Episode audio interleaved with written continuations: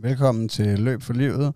I dag med øh, mig, Magnus Hvid, som vært, og øh, så har jeg været så heldig at få øh, dig med, Mette Birk Jensen. Ja, Tusind tak, fordi du er kommet. Det er en kæmpe ære.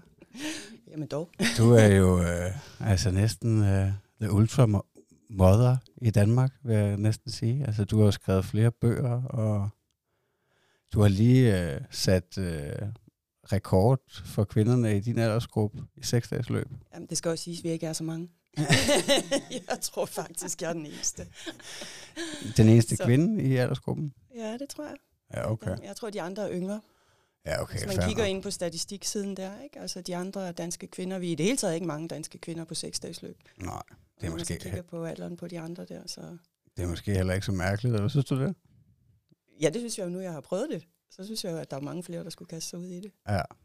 Og lige nu, du siger uh, the mother of ultra running, så ser jeg bestemt ikke mig selv. Nej. Jeg ser stadig mig selv som sådan en newbie, og altså en masse ting, jeg stadig skal udforske, og ja. ser sådan lidt på området egentlig lidt udefra. Det er også derfor, jeg har skrevet om det, ikke? Altså på den, sådan lidt et journalistisk perspektiv på det hele, hvordan jeg udforsker det, og vil undersøge det nærmere, og, og så bruger jeg mig selv til det også, ikke? Ja. Jeg ser mig bestemt ikke som sådan en stor ultraløbsekspert. Eller nej. Noget. Nej, nej. Hvor mange år har du kaldt dig selv fuldsløber? Det nærmer sig 10. Ikke? Ja, okay. 8-9 år. Ja, 8 år. 8 år, hvis det skal være helt rigtigt. Ja, og så føles det heller ikke nyt mere, gør det der? Jamen, det gør det jo stadig, fordi der er jo altid noget nyt, du kan finde på. Altså nu ja. seksdagsløbet for eksempel, som var min premiere, ikke? Mm. Altså det var altså spritnyt, og så der er jo altid, du, du kaster dig jo altid over, ud over et eller andet, øh, en ny disciplin. Og det er jo det, der er fedt med ultraløb, det er jo, at det er sådan et stort tag selv og alle mulige ting, du kan kaste dig over, ikke? Ja, der er ikke umiddelbart nogen grænser nej. for, hvad der kan lade sig gøre. Nej, nej. nej. Jeg har jo lidt lyttet til din øh, første bog, Ultrakvinderne. Ja. Er det rigtigt? Det er den første, ja, du skrev? det var det. Og det var min debut i ultraløb, øh, som skabte den bog. Altså, ja. Ja, og det er, er det seks år siden, du udgivet den? Agtigt? Syv? Det kan jeg ikke engang huske. Jeg tror, den var for 17. Det skal nok passe. Ja, okay. Ja. Altså, der har du været øh, tre år inde i gamet. Ja. ja, der var jeg ny, ikke? Det var i forbindelse med første gang, jeg løb 100 km. Ja. Der var det jo ikke går grueligt galt bagefter. Og det handler også, der var også min første træning til mit første 100 mile, som også går galt, hvor jeg må trække stikket, fordi jeg får en fibersprængning. Altså to uger før, ikke? Ja. Så så der har været nogle bump på vejen? Der har været masser af bump på vejen. Det er vel også det, det handler om, er det ikke? jo, det ved jeg ikke. Altså, jeg har ikke, øh, siden jeg begyndte at løbe, både i det hele taget og ultraløb, så har jeg heldigvis været øh, forskånet for rigtige skader, synes jeg ikke, ja. at altså, Altså, nu ved jeg ikke, nu har jeg ikke gået til lægen eller noget med nogle af de skavanker, der har været, men der, altså, der har været skavanker, men der har ikke været noget, ligesom det, du omtaler i bogen i forbindelse med, øh, med, var det noget fibersprængning? Ja, en fibersprængning i lægen, ja. ikke? Sådan en ganske uskyldig ting.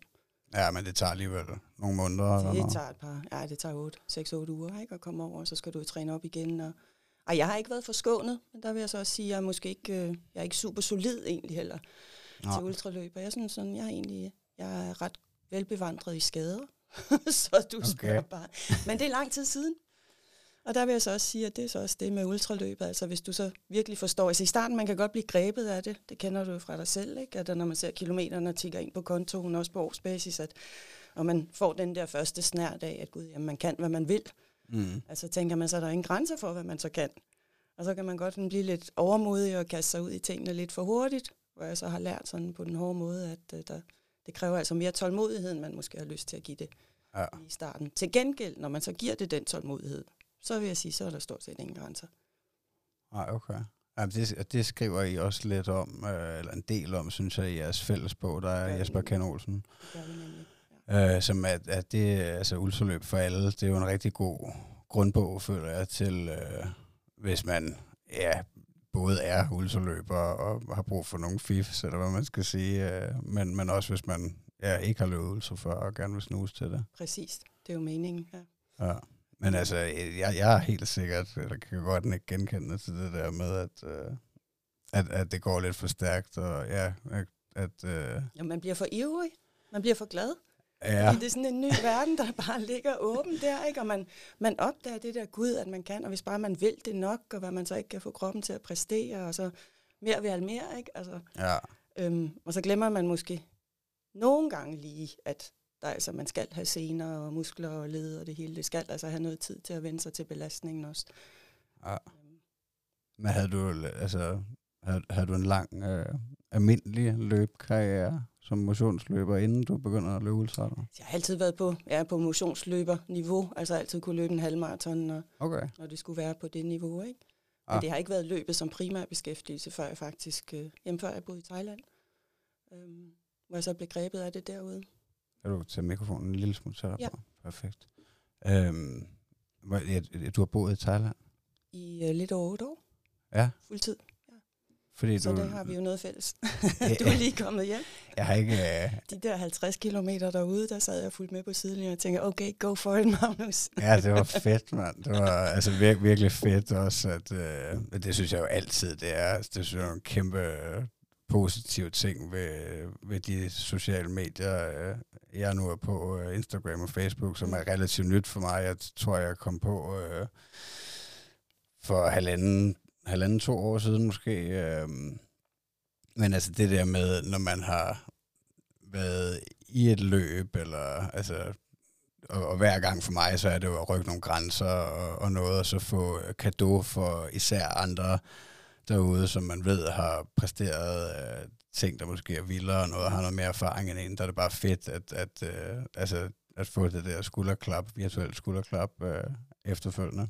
Så vil jeg godt give dig et skulderklap, fordi jeg ved godt, hvor ulideligt varmt det kan være at løbe derude. Ja, Men så du starter simpelthen ultrakarrieren i Thailand? Ja, det gjorde jeg. Var det første ultraløb dernede? Ja. 50 km? Ja, jeg startede med 50 km North Face, nord for Bangkok, op i Khao Yai. Ja. Og så løb jeg 100 km, og den løb jeg et par gange. Og så har jeg været op i Nordthailand også og løb et øh, bjergløb derop øhm, med vildt mange højdemeter, som det skal være deroppe. Ja. Og så har jeg løbet øh, senest, da vi var derude øh, sidste år, løb jeg 10 timer i Bangkok. Ja. Rundt i en park. Og det var i maj måned. Og ja, det er jo der, det er varmt. Ja, det var det også. Den viste 54 på et tidspunkt. Hold da kæft, man. Ja. Hvordan har du det med det? Jeg synes, det er sjovt. Øhm, Varmen? Ja, lige så vel som jeg egentlig også synes, at kulden er sjov nu. Altså tilbage til det der med, at der er bump på vejen, når du løber ultraløb. Jeg tænkte faktisk over det på vej herop at øhm, jamen, hvis du bare sådan løb hele tiden, og havde rygvind, og du løb på sådan en blød, dejlig mose, sådan single track inde i skoven, og lidt ned ad bakke. Og, ja. Det er jo ikke det, vi kommer for. Vi Nej. kommer jo for øh, altså, at skulle løse nogle problemer, og skulle takle alle de der bump på vejen, der kommer. Og i og med så give sig ud i, og for eksempel, som du gjorde der for, for nylig, at løbe de der hvad var det, 7 gange 50, du skulle løbe derude, og det blev til 5 gange 50, som i sig selv også er sindssygt, ikke? Ja. Men det gør du jo heller ikke for at få medvind hele vejen. Du ved jo godt, hvad det er, du giver dig i kast med, ikke? Og det gjorde jeg også, da jeg løb øh, de her 10 timer i Bangkok i den værste sæson og sådan noget, ikke? Det er jo, det er jo for at løse problemet. Ja. Øhm, og lige for tiden her, så med frost og alt det her, jamen, så er det for at løse det. Hvordan kommer man så omkring det? Øhm, vil man ikke kede sig, hvis, det bare var, hvis man bare havde medvind hele tiden? Så var der ingen grund til at løbe ultraløb. Nej, det er du nok ret i. Altså, det, jeg tænker også, det var derfor, jeg i sin tid øh, begav mig ud i det. Det var for at øh, ja, vokse mentalt på et eller andet niveau, ja. tror jeg, og blive udfordret. Øh. Altså, ja, måske lidt fordi, at, øh, at jeg følte, at, at mit liv var fornemt. Ikke? Øh, Præcis. Altså, ja. Og det er det jo også på mange måder. Øh, det er, i hvert fald, det. det er i hvert fald godt. Det er meget bekvemt. ikke?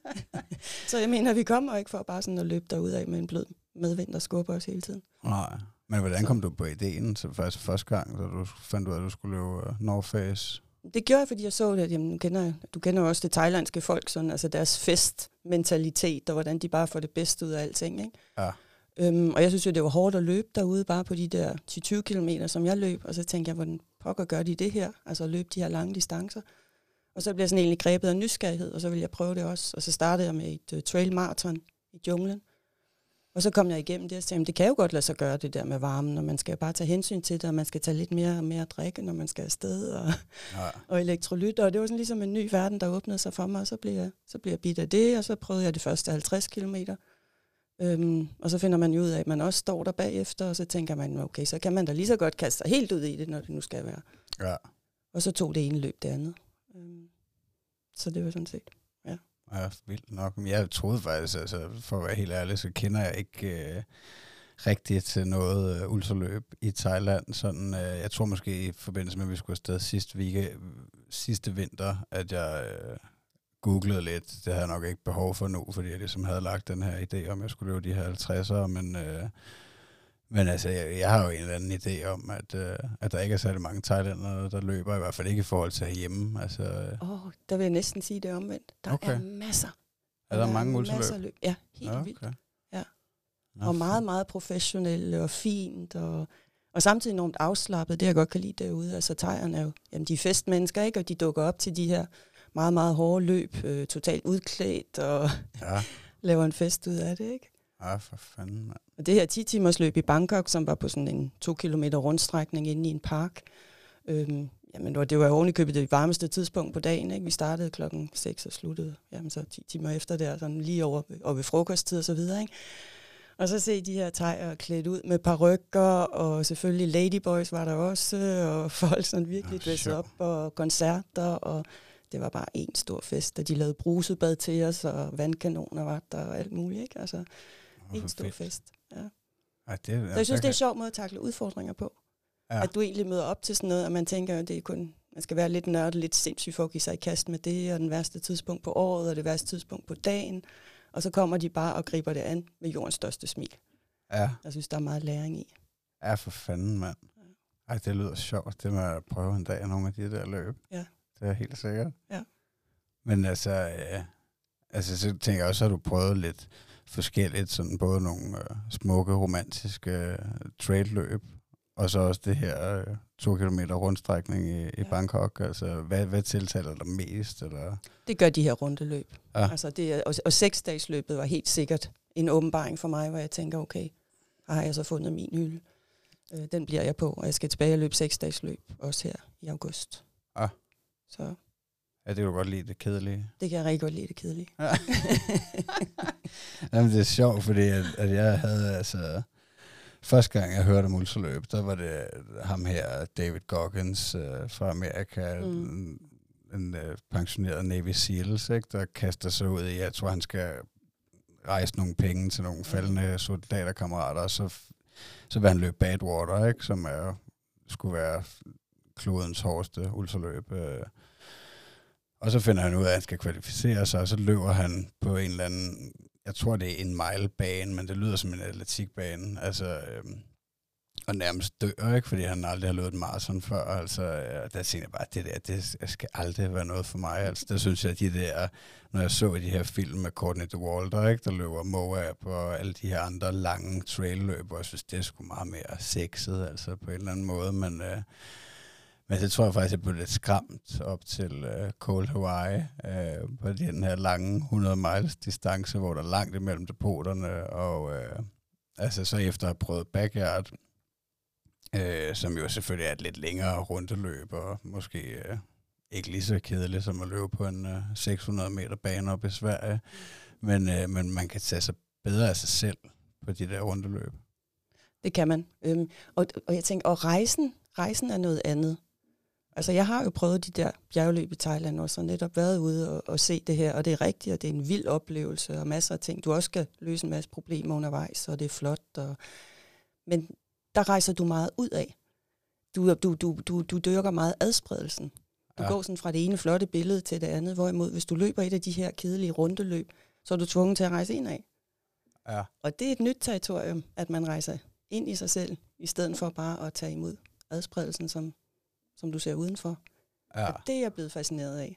Ja. Fordi du ved ikke, hvad der sker med dig selv, øh, når du sådan egentlig er tvunget til at tømme hjernen. Eller hvad, hvad, hvad skal du fylde på, hvis der ikke hele tiden er noget nyt at kigge på? Ja. Og i starten med seksdagsløbet, så havde jeg jo også jeg havde en hel liste af øhm, audiobooks med, jeg skulle lytte, og, og musik og playlister og så videre. Ikke? Og jeg fik stort set ikke brugt det.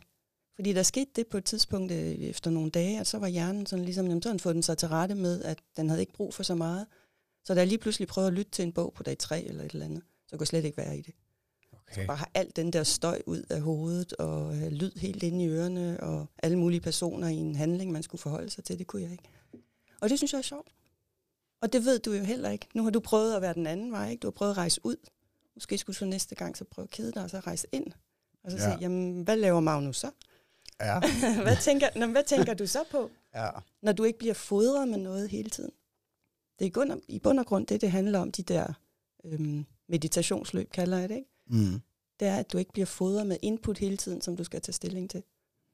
Ej, det, det tror jeg giver god mening. Ja. Altså også, øh, altså i, i det hele taget, føler jeg, når du siger meditationsløb, at, at, at løb er blevet en form for meditation for mig, men det er klart, at øh, altså til Skanderborg 48 timers, øh, der oplevede jeg nok mere af det, du snakker om der, end til sådan noget som Cold Hawaii, fordi at, at, at, som du siger, der er så mange input for naturen og, og, og de her ting, men når man løber rundt på den samme kilometer, så er det, ja, så er der selvfølgelig vejrforholdene og, og nogle andre mennesker og noget, der, der skifter, men... Øh, jo, lyset, ja. vinden og ja. små bitte detaljer ude på banen. Og, ja. Altså hjernen er jo dygtig til at finde adspredelse. Ja. Det er så bare på et andet niveau, når du løber de her løb, ikke? Ja. Det er sådan en lille pind, som så har flyttet sig på et tidspunkt, når du er nået tre runder længere. Eller så tænker du over, hver gang du ser den der lille kvist, skal du så hoppe over den, eller skal du løbe til venstre eller til højre for den? Altså, er det du, sådan du, små ting, du begynder at lægge ja, mærke til? Ja. ja. Så du skaber dine egne ting, og det er jo sjovt nok at opleve, ja. hvordan man gør det. Føler du ikke, at du blev lidt mærkelig med de der seks dage? Hvad mener du? Når du siger det her med små kviste og pinde. Og jo. Jo, man bliver lidt mærkelig, det gør ja. man. Det er jo også fascinerende. Ja. Det er også fascinerende at se de andre mærkelige, ikke? Ja. Hvor mange uh, stiller op der til Virdal? Åh, oh, jeg tror, 50, de var op mod 50. Ja. ja, det tror jeg faktisk. Og det var meget sjovt, på et tidspunkt, der gik nogle øh, landarbejdere på marken ved siden af okay. øh, og arbejdede. Og ja. de stillede sig jo op simpelthen og glodede på os, der gik som sådan nogle zombier ja. rundt på den her 600 meter bane. Ikke? Ja. Jeg tænkte, hvad har de gang i? Ja, det er sgu også lidt freaky. Hvem er de, ja. øh, altså dem, der står for det, det er, det er på en privat landejendom, ikke? Jo, øh, Viadal Ultra, jamen de har flere forskellige løb. Altså jeg tror, okay. de, de lever af det. Altså de har 48 timer, så de har 24 timers løb, og løbefestival og sådan noget i løbet af året, og topprofessionelt. Kan ja. varmt anbefale det løb. Ja, og hvor var det flot organiseret. Ja, okay. Jamen, man, mm. altså, startgebyret, det er en, en, en pakke med forskellige overnatningsmuligheder, altså man kan selv tage sit eget setup med, ellers så har man mulighed for at overnatte derinde. Du ikke? kan sove inde i, uh, ja. i sådan en lade, de har. Eller også så tager du bare dit eget telt med. Og så får du noget at spise også. Ja, ja. så kan du købe mad. Ja, okay. Så det er sådan en fuld forplejning. Jeg tror, det var Bjarne, som jeg var med. Ja. øhm, jamen, som sagde, at vi skal bare på sådan en all-inclusive løbeferie. Og det er han jo ret i. Ja, det er fedt, man. Det er, hvad det er. Så skal du ikke selv tænke på noget, vel? Nej. Hvordan øh, faldt valget lige på det, da du skulle vælge seks dages løb? Jamen, jeg var meldt til et seks dages løb i Frankrig. Øh, Nå, det kan jeg godt huske, ja, at du har skrevet om. Ja. I april, hvor jeg så fik, jeg vil ikke sige, at det var en skade, men jeg blev overbelastet. Jeg fik en overbelastningsirritation i mit ene ben. Lige der, hvor jeg skulle have løbet min peak-træning. Og i og med, at det var mit første seks dages løb, så havde jeg ikke selvtillid til at tage ned og så stille op, velvidende, at min træning ikke sad i skabet. Nej. Så jeg tænkte, første gang jeg stiller op her, så skal træningen sidde i skabet. Jeg ved ikke, om det er en kvindeting. Det er der nogen, der peger på, at mm. man skal altså være 300% sikker, når man stiller op, at man har gjort, hvad man, hvad man kunne. Ikke? Så jeg trak stikket til det i hvert fald, og så fandt jeg så Viadal i stedet for, som fandt sted i august. Og så er det jo nemt, fordi du kan køre der til. Så du kan have bil med, ikke? Altså vi kørte der til, at jeg havde en kamplet med, og havde alle mine ting med. Og Ja, okay. Jamen, det må jo også være altså, pissevigtigt, tænker jeg, hvis man tager det op for at få en eller anden form for succes, at man ikke vælger jo. bare at komme alene og bo inde i laden, men at man kommer med en form for team, team og, team, ikke? Altså, og sin egen base. Ja. Og det ville jeg jo også have gjort. Altså hvis vi skulle til Frankrig, jamen jeg skulle både have min kæreste og sådan en god ven, vi har, Anders, som øh, er med som øh, support. Jeg vil heller ikke hive folk derned, hvis jeg tænkte, at træningen ikke har siddet i skabet, og så efter to dage eller tre dage, jamen, så må vi trække stikket. Det synes jeg ikke var det værd. Nej. Så. Men du, jeg tror ikke også, at uh, altså det der med, at du gerne vil være helt klar i din træning, mm. og at, at, at det spiller noget ind, at du selv er træner? Ja, det gør det nok. Ja. Hvor lang tid har du beskæftiget dig med at træne Jamen, det startede løbere? også i Thailand. Så okay. det er sådan stort set det samme, ikke? 10 år. Ja. ja. Og der har jeg sådan, jeg har på alle niveauer. Altså jeg har lige fra 100 miles løber til nogen, som, øh, som aldrig har løbet. Ja. Jeg synes, det er lige sjovt. Altså man behøver ikke at løbe ultraløb for at uh, tage kontakt til Master Running. Master Running. Ja. Masterrunning.dk.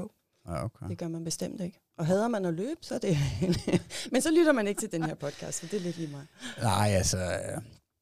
Jeg kunne da godt drømme om, at, uh, at, at der er alle mulige, der ikke... Øh, altså ligesom jeg selv, da jeg, da jeg faldt over den her podcast med ham, David Goggins, der, der havde jeg aldrig hørt om, om ultraløb, og jeg havde aldrig tænkt, at jeg skulle løbe hverken et halvt eller et helt maraton eller noget. Altså jeg havde maks løbet 5 km, og altid kun ville løbe efter en fodbold, så jeg kunne da godt drømme om, at der er folk, der vil lytte til den her podcast, som, ja.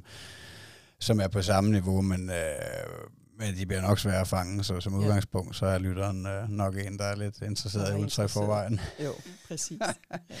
Men hvad er formelen for at, øh, at tage op og få den succes, du fik øh, på sit første seks løb? Altså, du løb 553 km. Jo.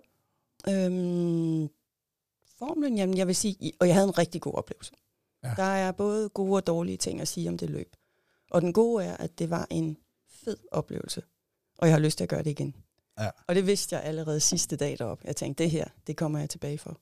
Ja. Øhm, og det var egentlig også det mest fornemme mål, jeg havde med det. Det var, at jeg skal op, og så skal jeg have en god oplevelse.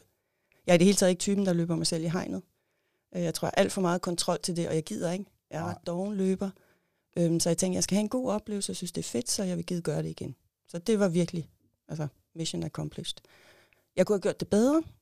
Det er så det negative ved det, men det er jo samtidig så også drivkraften til at gøre det igen. Mm. Så, men altså, jeg blev doven til sidst, og Jesper, som, jo, som er min træner, og gode ven, sagde så til mig, at jeg løb øh, løb. Og den har jo så taget lidt til mig, så jeg må jo op og løbe et rigtigt løb. Når han mener, at du ikke øh, jeg gav, gav ikke, noget Jeg gav ikke dagen. nok af mig selv til sidst. Og jeg var, der var ingen grund til, at jeg ikke gjorde det. Og det er jo det, der sådan sidder og irriterer mig nu. Mm. Øhm, der skete det, at på dag Jamen det var på dag 5, altså fra overgangen fra dag 4 til dag 5. Dagene startede ved frokosttid. Ikke? Mm. Øhm, der var der en kvinde, der begyndte at udfordre mig. Jeg havde ligget lunt i svinget som nummer 3 hele tiden, og det havde det rigtig godt med. Og hun begyndte så at løbe mod mig. Og jeg er ikke konkurrencemenneske. Jeg bliver enormt irriteret, øh, men samtidig så tænker jeg, jeg bliver jo nødt til at forsvare min position, fordi nu har vi været her så lang tid, så det kan ikke nytte noget, at jeg bare lader hende tage den. Øhm, så jeg blev presset uden for min komfortzone og fik givet meget der. Jeg fik så også sat hende. Og i og med, at jeg så gjorde det, jamen, så bliver jeg så glad og så stolt og tilfreds med mig selv, så jeg tænker, jamen nu er der jo ikke nogen, nu, nu kan hun ikke nå mig. Jeg ligger her som nummer tre, jeg kan ikke blive nummer to, jeg kan heller ikke vinde løbet. Hvorfor i alverden skal jeg så gøre mere ud af det? Så nu vil jeg bare have en fest. Og så hyggede jeg mig rigtig meget her de, den, øh, den sidste dag. Så når du siger hygge, betyder det så, at du gik rigtig meget? Jeg gik rigtig meget. Jeg tror, jeg tog mine sko af for at få et fodbad, da der stadig var nogle timer tilbage af løbet. Og, altså sådan nogle, det gør man ikke hvis man tager det seriøst. Men jeg har jo også mit, altså, mit motto er at træne med glæde. Ja. Og det gjorde jeg. Ja, fedt. Man. Jeg havde det rigtig godt. Jeg vil sige, der var ikke, altså selvfølgelig har du det ikke godt i seks dage, når du løber hele tiden. Men der var ikke på noget tidspunkt, hvor jeg tænker, det her, det, det, det vil jeg ikke. Altså, det vil ja. jeg ikke være med til. Nej, der var ikke noget tidspunkt, hvor du overvejede at stoppe? Overhovedet ikke. Nej. Og tværtimod, så synes jeg faktisk, det blev mere og mere fascinerende, jo længere hen man kom, at at jeg lærte de her perioder at genkende. Altså du har sådan nogle ups and downs i et seksdagsløb, jamen ligesom i livet og ligesom i løbet af en dag, altså så er du op, så er du nede, så er du op, så er du nede. Og når du finder ud af det i seksdagsløbet, når du så har det rigtig hårdt, og fødderne går virkelig ondt, og hoften strækker, og du tænker, du kan ikke tage et skridt mere, så giver det dig sådan en tryghed at vide, at det her, det er jo tidsbegrænset. Der går kun et stykke tid, så er jeg ovenpå igen. Ja. Og det kunne være de mindste ting, der fik dig ovenpå igen. Altså de havde luret den op øh, i Viadal, der fik vi jo en øh, papirhat når vi havde rundet, øh, jeg tror, den første milepæl var 100 miles, så var det 300 km, og så var det 500 km, og 600. Øhm, og ved 500 km, så fik man den her sølvhat. Øhm, og da man så fik den, jamen, så var det som om, så ville du kunne løbe 500 km mere. Ja. Og det er sjovt, fordi lige før, så har du været helt nede i et hul, ikke? og jeg kunne slet ikke se, at hvordan kan jeg det hele taget komme en runde mere rundt. Og så får man en sølvpapirshat på hovedet, ja. og så kan man løbe. Ja, det er fandme sindssygt. Så den der, altså den der mekanisme at opdage det på sådan en seks løb, det synes jeg var fedt. Ja. Til gengæld så havde jeg det også, jeg havde sådan nogle opture ind imellem, hvor jeg, sådan, hvor jeg, jeg kalder det sprinte, og sprint for mig i et seks dages løb, det var at løbe 6.30 eller sådan noget. Ikke? Altså, ja. Men det havde jeg nogle punkter sådan på dag 3 og på dag 4, hvor jeg faktisk havde de hurtigste split-omgange. Ikke? Det skal sige, at banen også er kuperet i øvrigt, så den ligger sådan automatisk op til, at man går ind imellem. Ikke? Men, og, og så kunne opdage, at man kunne få sådan nogle opture, hvor du egentlig tænker, at der ikke er mere at give af, så får du sådan en optur. Så skal man så også vide, at efter den her optur, bum, så får du en nedtur. Ja. Men når du så lærer at leve i den der bølgedag, så er det egentlig som om, man kan blive ved. Men det er måske også altså derfor, at man ikke øh, skal kaste ud seks dages løb lige med det samme, fordi det, alt det der, det føler også, man lærer på nogle af de andre løb. Det gør altså, man nemlig. Det, det her med kriserne, og, ja. og at, at det nok skal gå. Ja. Øhm, altså selvom, øh, at jeg føler at jeg har altså, prøvet at DNF nogle løb, øh, altså stop, hvor jeg tænker bagefter, efterfølgende i bagspejlet, at, øh, at jeg kunne nok godt have fortsat. Jeg kunne måske have kommet om på den anden side af krisen, så det kan stadigvæk være svært at finde den der, hvad er det her, er jeg i fare for at blive skadet nu, eller er det bare øh, min krop, der tuder? Præcis. Altså. Og her, der skubber man den jo bare til det ekstreme med et seksdags løb, ikke? fordi du trækker jo stikket hele tiden. Altså, du går jo ind i teltet hele tiden. Jeg havde sådan nogle perioder, hvor jeg tænkte, nu løber jeg ind til at begynde egentlig sådan at dingle, og tænker, nu er det ikke forsvarligt, eller nu er jeg virkelig mm. så udmattet, at, at det spilder tid at være derude. Og så er det bedre at give ud og gå ind og hvile. Men det, det er jo egentlig en masse små DNF'er ja. i et løb. Men her kommer du så bare tilbage igen. Ja. Og jo hurtigere du så kommer tilbage igen, jo bedre. Jeg tænker, hvis du kigger tilbage på dine DNF'er, der er garanteret også nogle af dem, du kunne have reddet, hvis du lige havde sundet dig, og så efter en halv time, eller sådan noget, ikke? Eller så, ja. jamen, så prøver jeg igen.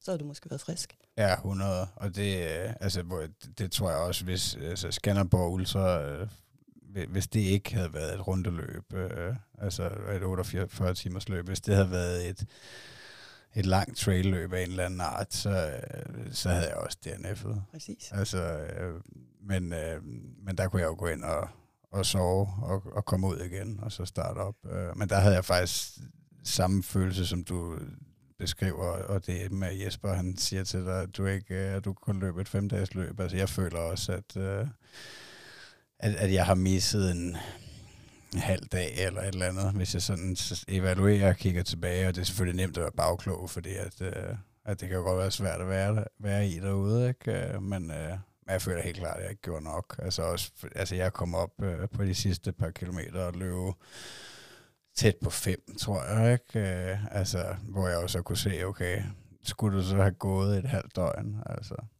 Ja. men, men jeg synes, det her er positivt.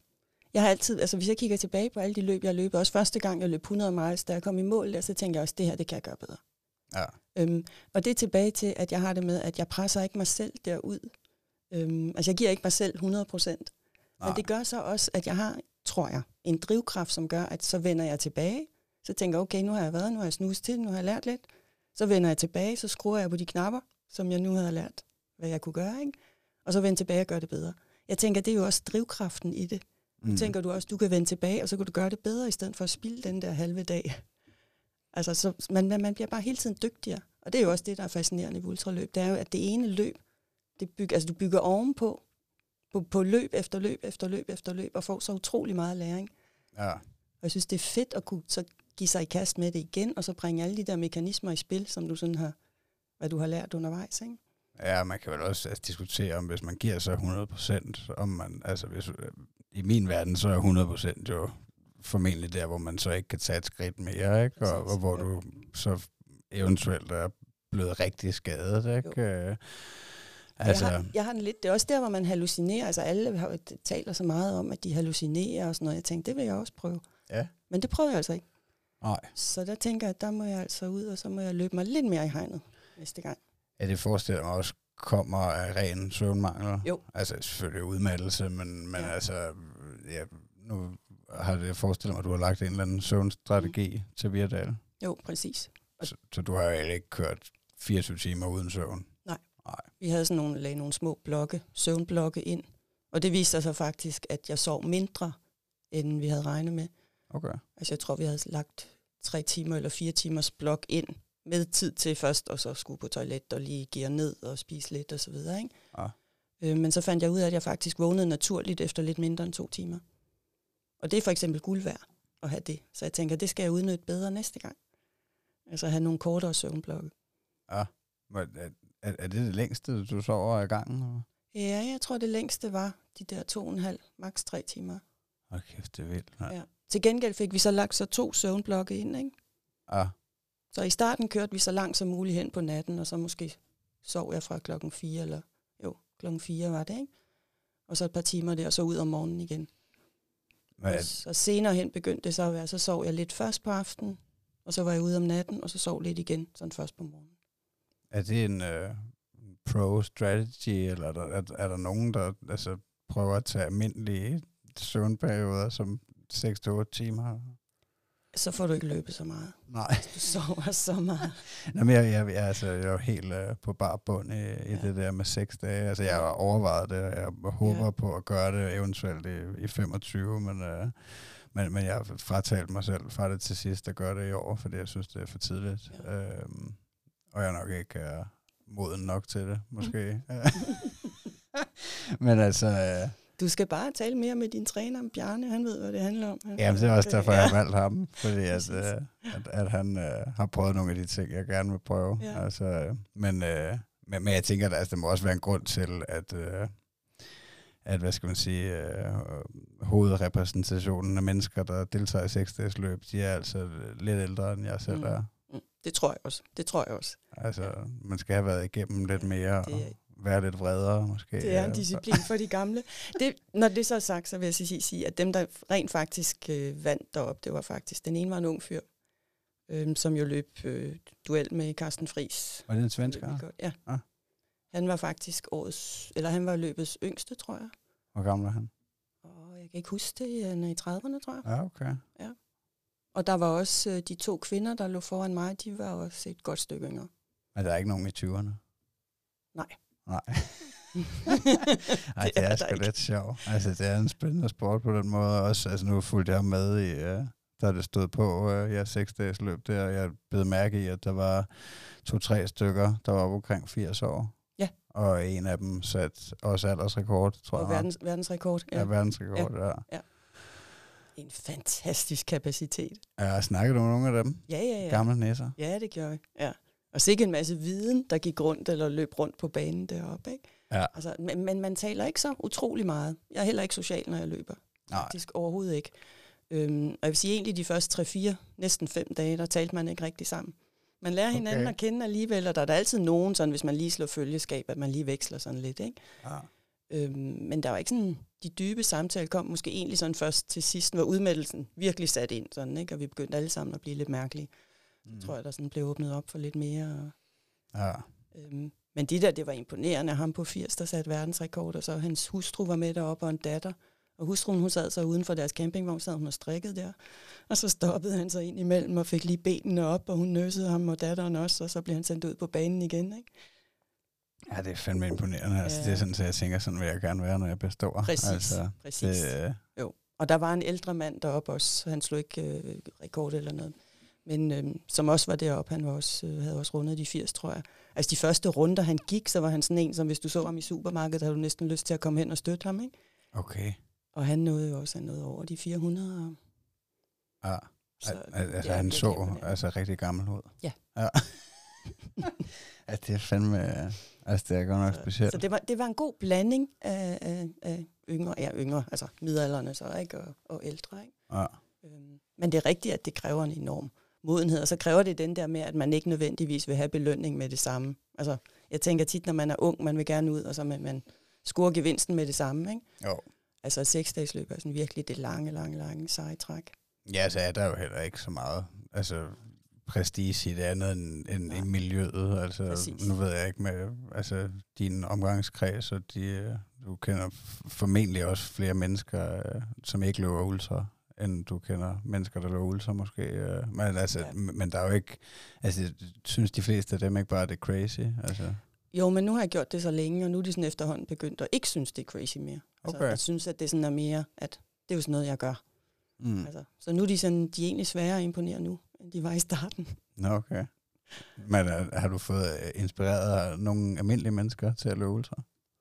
Ja, det tror jeg. Det ja. tror jeg bestemt, jeg har. Og det tror jeg faktisk, at jeg har måske særlige kræfter. Ultrakvinderne, ja. som jeg skrev med det formål netop. Ikke? Okay. Fordi at de ultrakvinder, i, øh, som er med i bogen, jamen det er, jo, det er jo faktisk alle sammen helt almindelige mennesker. Ikke? Og der føler jeg i hvert fald fået rigtig mange tilbagemeldinger på den bog.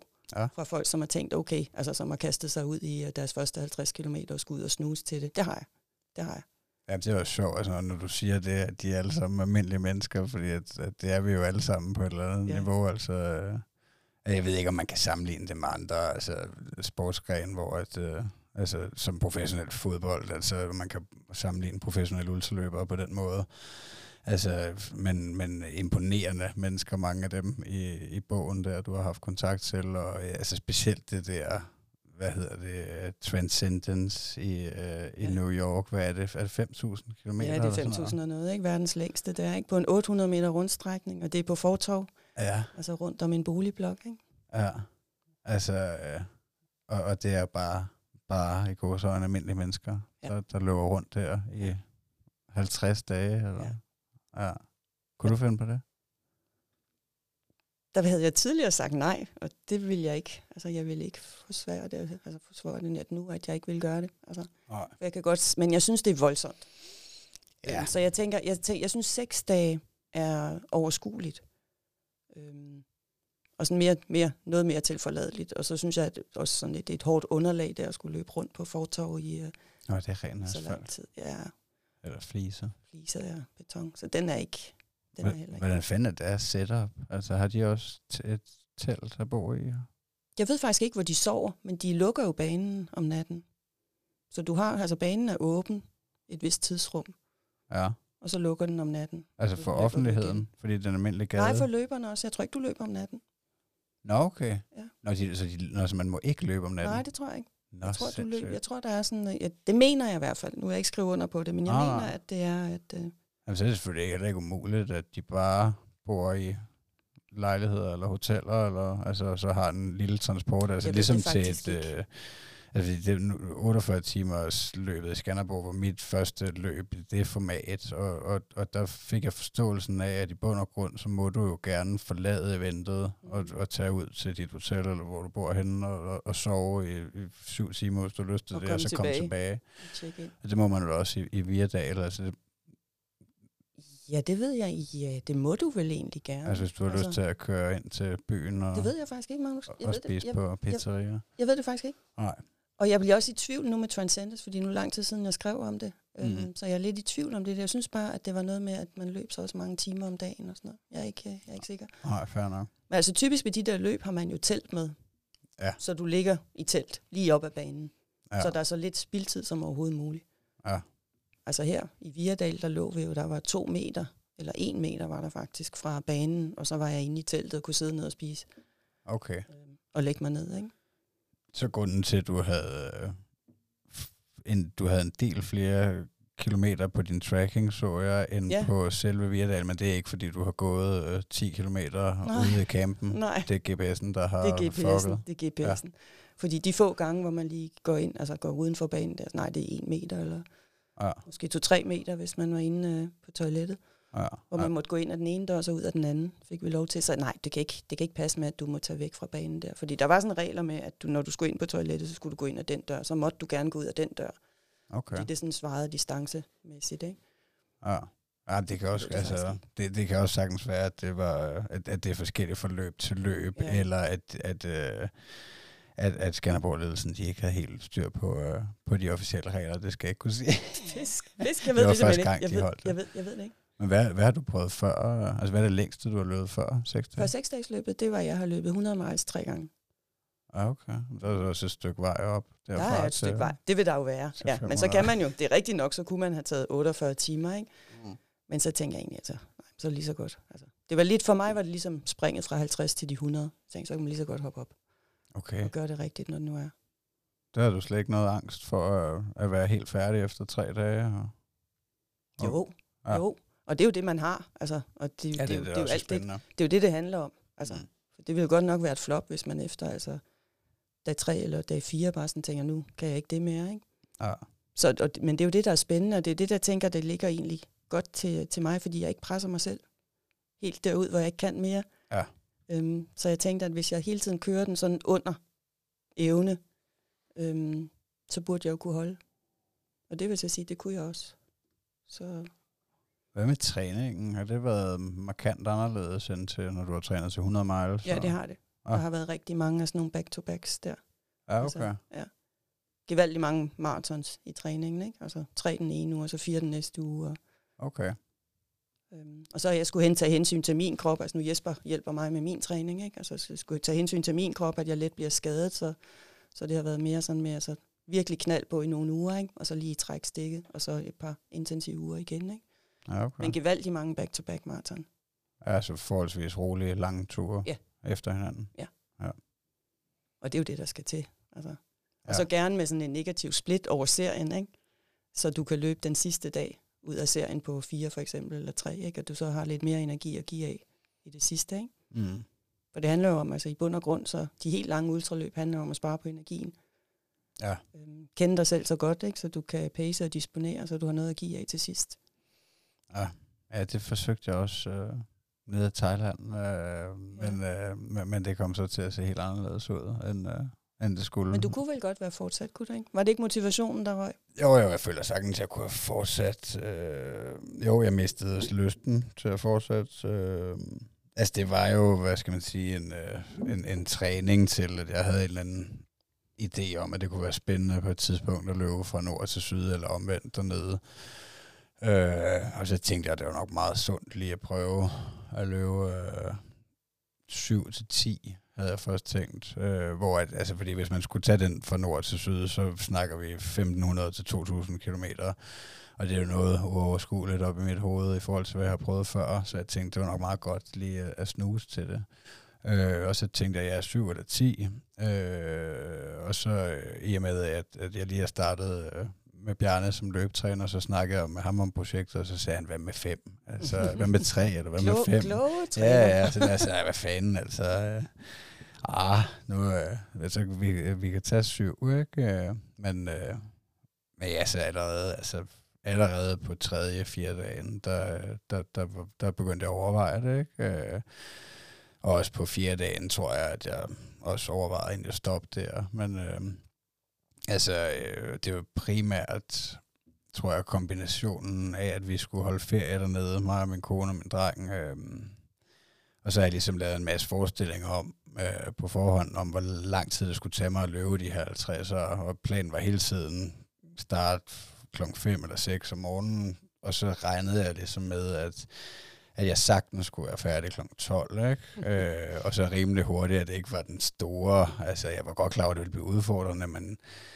jeg regnede ikke med, at jeg ville være så energiforladt resten af dagen, så, så det var også en blanding af, af det samvittighed derovre for familien, øh, at, at jeg simpelthen nok ikke følte, at jeg havde forberedt mig ordentligt nok på, hvad der skulle ske, og at, øh, at det tog mere energi, end jeg havde regnet med. Og så er der jo masser andre faktorer, altså i, i og med, at vi er på ferie, og vi skifter fra sted til sted, så øh, altså fik jeg heller ikke sovet ordentligt, du ved, og øh, altså, men det værste, det var helt klart, altså varmen, og, øh, og de her slidsår, altså mm. specielt på overkroppen faktisk, øh, hvor jeg var rimelig god til at smøre de nederdele, øh, hvor jeg har haft problemer før på lange løb, men, men altså... Øh, altså, jeg ved ikke, om det er der, hvor vesten sidder, eller det er bare t-shirten, men det her med, at der går 5 5 kilometer hver to om morgenen der, så er jeg ved at være gennemblødt, og så klokken 9, eller måske tidligere, der er fuld sol på, ikke? og så er det begyndt at være 30 grader plus. Øh, så tørrer jeg faktisk nogle gange, når jeg er ude at gå, ikke? Øh, og så bliver jeg våd igen, og altså, så, så de der, altså, sår blev det jo næsten til, ikke? Mm. De der, øh, hvad fanden hedder det på dansk? Chafing sores. Chafing, ja. Gnav, gnavsår. Ja, gnavsår, ja. ja. Altså, det tog ligesom lysten lidt fra mig. Øh, og, og så altså det der med, at jeg ikke øh, kunne formå at bevæge mig hurtigere derude, altså det, det irriterede mig. At jeg var helt nede på øh, 9.30 eller et eller andet. Altså jeg brugte jo 8 timer eller noget på de sidste par stykker derude, ikke? Øh, hvor jeg havde regnet med, at jeg kunne sagtens løbe det på 6 uden problemer. altså. Jamen, man bliver så klog, ikke? Jo, altså, men jeg må også bare sige, at jeg har fået mere respekt for, at jeg synes, det var fedt at prøve. Altså, fordi at, øh, som sagt, Badwater, det er i Kalifornien, er det første ultraløb, jeg har hørt om nærmest, og det lyder jo ekstremt spændende, men øh, jeg får, får rigtig, rigtig meget respekt for dem, der har prøvet det og gennemført det især, fordi at, øh, altså, det er jo måske 50 grader, hvor det her, det måske har været op på top på 35, eller hvad Jo, ved jeg. men til gengæld har du luftfugtigheden i Thailand. Ja. Der vil, der vil jeg næsten sige, nu skal jeg passe på, Mm. men jeg vil næsten sige, at det er hårdere løb med så høj en luftfugtighed, ja, okay. End i tør varme. Ja. Jeg er ikke så meget styr på det med fugtighed, men det, Luftfugtighed, så kan du simpelthen ikke komme af med sveden. Man kan, nej, og det er det, når man jeg tænker på sådan procent, er det 80 procent eller noget dernede? I hvert fald. Det, er- det er Ja, i i hvert fald fugtigt. Ja, ja. ja. I Thailand kan den være op, og de der ligge på de der 90-95, altså, ja. og i hvert fald over 80 typisk. Det er helt vildt. Men det gør, at du ikke kan komme af med sveden. Ja, du kan ikke svede. Altså. Nå, og det synes du jeg ikke, jeg har noget problem med. Jo, men du sveder, du får det ud, men du, du overopheder helt vildt. Du kan slet ikke Ja. følge med, og du kan ikke få drukket nok. Og, Nej. Nej, og det er jo så det næste. Altså det med maden og, øh, og væske, og jeg synes ikke, jeg havde ikke noget problem med at, at få indtaget væske, og øh, altså der er jo rimelig mange øh, små købmænd øh, along the way, så, øh, så, så men altså, men, men appetitten, den, øh, den var svær at arbejde med. Jeg synes, jeg kunne slet ikke finde ud af, hvad fanden jeg vil have. Normalt, så har jeg ingen problemer med at spise i et ultraløb, men øh, altså det, det fik jeg dernede, og, øh, og jeg simpelthen mistet lysten til at spise, og mistet lysten til at få pulsen op. Altså hver gang, at jeg kom over 130 eller sådan noget, så Ja. fik jeg det skidt, Ja. ikke? men det kan jo også være farligt derude. Ja. Netop at få pulsen op. Altså, du skal vidderligt gear ned Ja. og køre helt, helt. Men øh, man laver, der er sådan nogle, der, det er meget typisk med ultraløb, ikke? Der er de der regnstykker på papir, som er enormt lem, nemme at lave, ikke? Og Ja. man regner sig frem til, øh, det, det samme med et seksdagsløb, så løber jeg bare lige 100 eller 100 noget om dagen, og så bliver det jo, så ganger man det op og alt det her, ikke? Men man glemmer alle, alle sådan, øh, de der ting, der kommer ind fra, fra venstre og højre, som du så skal, skal løse undervejs, ikke? Ja. Og i Thailand, så er det jo big time. Altså varmen der, du kan slet ikke præstere på samme niveau som herhjemme. Jeg plejer at sammenligne det med at lave hot yoga. Okay. Altså det er jo samme øh, fornemmelse, ikke? Ja. Hvor du bare overopheder helt vildt. Ja, altså, altså ja, så, så du kan Du kan ikke, du kan ikke. Du det kan kan ikke præstere ikke. de samme tal. Du kan slet, slet ikke. Nej. Men Har du, har du haft den indgangsvinkel fra starten, da du prøvede at, øh, at løbe ultra dernede? Fordi der har du været dernede et stykke tid og prøvet at løbe kortere ture, sagde du også. Og, altså, så gik du ind til det. Jeg tror, det gik ret hurtigt op for mig. Ja, ja, jo, jeg vil sige, at det 10, 10, 10 timers løbet i Bangkok, hvor jeg rent faktisk præsterede rigtig godt. Og, og præstere rigtig godt der, der kan jeg give dig et eksempel. Jeg tror, hvad var det, jeg løb? På 10 timer, jeg tror, jeg løb 74 eller sådan noget. Mm. Det er jo ikke noget, du vil være stolt over normalt, vel? Nej, Men det, det ved jeg Der, ikke. der vandt jeg alligevel øh, alderskategorien 40 plus. Ja, okay. Som, og det var med altså folk, som så også er, er varmevand. Ikke? Så det er for at give dig den idé om niveauet. Ja. Øhm, og der var nogen, der prøvede at skulle slå rekord. Der var en kvinde, der skulle prøve at slå 100 km. Det nåede hun heller ikke. Nej. Altså, det kan du ikke. Ej, så det, det nej, nej, Det okay. jo- Altså, hele det, du, skal bare, du skal bare tilpasse dig, ikke? Ja. Øhm, og så tager det rigtig lang tid at tilpasse dig også. Så i hvert fald, nu ved jeg ikke, hvor lang tid. Ej, du havde været derude et par dage, før du gav dig i kast med det, ikke? Og vi har nok været der i, i fire-fem dage. Øhm, og, og, Så der skal mere til. Ja, det, det kan jeg jo så også godt øh, se, og jeg er på den måde sindssygt glad for, at, at jeg gjorde det her, at jeg ikke, øh, altså lad os sige, at, at jeg ikke havde gjort det, og vi rent faktisk havde kastet os ud i det her projekt til næste år, fordi det var egentlig min, min tanke, at øh, inden min søn han skal starte i folkeskole, så kunne det være fedt, at vi kunne være dernede i en længere periode. Øh, jeg vil ikke selv kunne holde til at være i Thailand i øh, 3 til seks måneder, uden at skulle have et eller andet større formål med noget, jeg selv skulle lave. Mm. Øh, så det var det som der, at, at ideen kom. Øh, men, men det kan jeg jo godt se nu, at, at hvis vi skulle gøre det, så ville det også ja, formentlig kræve en lang tilvænningsperiode, og, øh, og, og så vil det altså ikke være realistisk at regne med, at, at jeg kan have en øh, fungerende dag efter en øh, lang etape. Nej. Altså, Nej. det, var det, det, det, det regnede jeg med, at det... Det er også det, man glemmer i regnestykket. Ikke? Man tænker, at så er man hjemme igen klokken et, og så gør man sådan og sådan og sådan. Ikke? Ja, så kan man godt tage på stranden og Ja, hygge sig. og- ja. ja. Men, øh, men man bliver så klog, når man får prøvet de der ting. Ja, men der, men, men der mener du, at, at badwater, det er, altså det, der er ikke lige så meget luftfugtighed. Så, så, Ja. ja. så det vil jeg godt kunne klare Tør en dag. varme. Jeg tror godt, du kan løbe backwater, Magnus. Ja, tak. Det er, drømmer du ikke også om det? Det synes jeg, du Jo. snakker om i, Jo. i din bog, som jeg så er lidt gammel. Det kunne, jeg, jo- det kunne jeg også godt tænke mig. Ja. Og det tror jeg faktisk også, altså i al naivitet, at jeg egentlig vil have det godt med. Fordi jeg har det faktisk godt i varmen. Altså jeg løber generelt godt og bedre i varmen end i, end i kulde. Altså, Så du, det tiltaler mig. så du har ikke prøvet at være udfordret på appetitten og det der i, i Thailands varme? Jo, men så fandt jeg også ud af, hvad der virkede der. Altså okay. Jeg kender også den der kvalme, der kommer, ikke? og man kan slet ikke indtage noget. Og Jeg lærte for eksempel, at øh, jamen, til det her løbet i Bangkok, og, og det ved jeg generelt fra mig selv ved andre løb også, hvis jeg har det virkelig, virkelig dårligt og har kvalme og tænker, nu skal jeg kaste op, så skal jeg spise spejepøls. Og det her, det gælder også, når nu siger jeg, lyder rigtig, rigtig ulækkert. Ja, i 50 grader. Og det, og, ja, og det er det også lige, når man tager det ind, og det skal være det der røde, giftige noget, der sådan siver ud mellem tænderne med fedt og salt. Øhm, og, og det hjælper. Okay. Så går der lige et par minutter, så kan jeg lidt igen. Og Ej, det er de det er der sjovt. ting, du lærer og finder de der små ting, de små knapper, som lige som du kan skrue på, ikke, og som virker på dig. Ja, det er sjovt. Og der er slet ikke... Ja, Øh, der har jeg sådan nogle ting, jeg ved, at det der, det virker. ja. Ej, det har jeg slet ikke endnu. Altså, Og så brugte vi nedkøling også, det ved jeg ikke, om du gjorde, men altså til løbet i Bangkok, det var hver 500 meter. Der var, de havde vandsteder fremme, ikke, hvor de simpelthen stod og smed is, så man tog is på sig selv. Ikke? Og så Okay. havde jeg en, øh, ja, min, min hjælper, min kæreste var med, ikke? og en af hans venner, så kom jeg ind. Det var så hver kilometer, jeg tror den var ja, lige, lige godt en kilometer rundt. Ikke? Der bøjede jeg mig simpelthen forover, og så hældte isvand over mig. okay. Og så kunne jeg så lige holde kroppen sådan til, til næste runde. Er, Så er, masser af is alle vejen også, for kølet ned. kan det jo også være farligt, at have de der to ekstreme kulde og varme? Nej, fordi du nåede ikke. Altså, det nåede stort set ikke at smelte. Altså, det var så kort, så rundt, og så bare mere is på. Ja, Og jeg okay. holdt kulden ned hele tiden. Nej, altså jeg ved ikke sgu ikke, hvad jeg... Øh, altså, jeg, jeg prøvede at køle ned i form af sodavandsis, ikke? Ja. Øh, Nej, jeg vil sige, isterninger også i 7-Eleven, hvor du har været inde. Altså Ja. masser af isterninger i ærmerne. Når vi Ja, er okay. derude, som jeg løber også dækket til, ligesom du gjorde, ikke? Ja, Men altså havde stramme ærmer på, og så lægger isterninger ned i ærmerne. Så Ja, okay. blodårene bliver kølet ned. Der er isterninger i BH'en, altså isterninger ned i ryggen, ikke? Ned foran, med alle vejen. okay.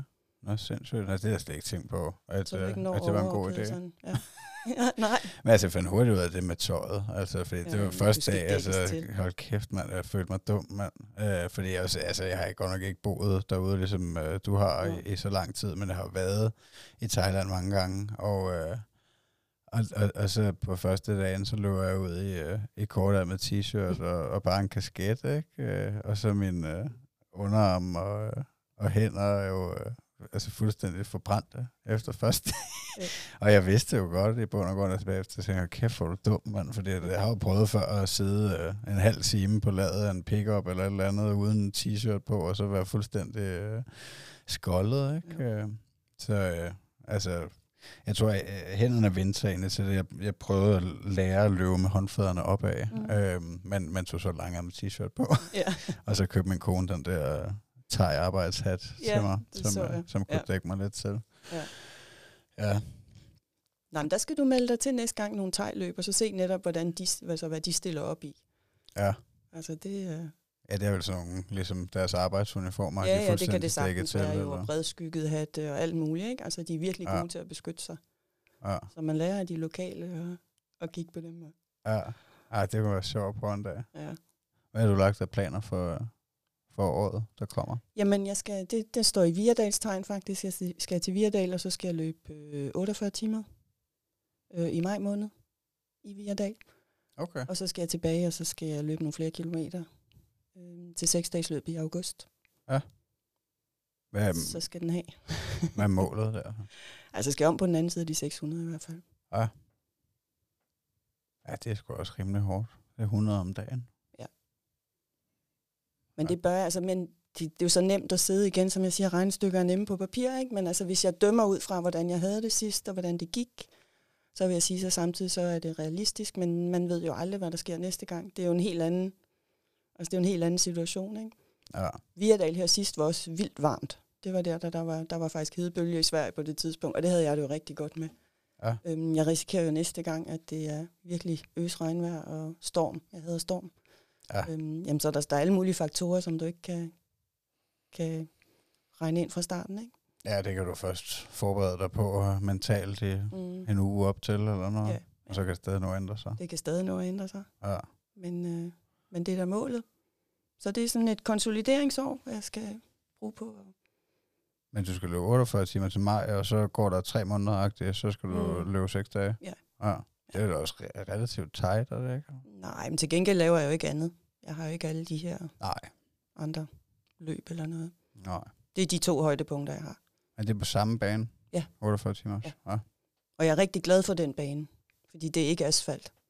Nej, det er en fliser, relativt velpræpareret grussti. Det er det nemlig, ja. Med lidt højdemeter. Det er en virkelig god og varieret bane.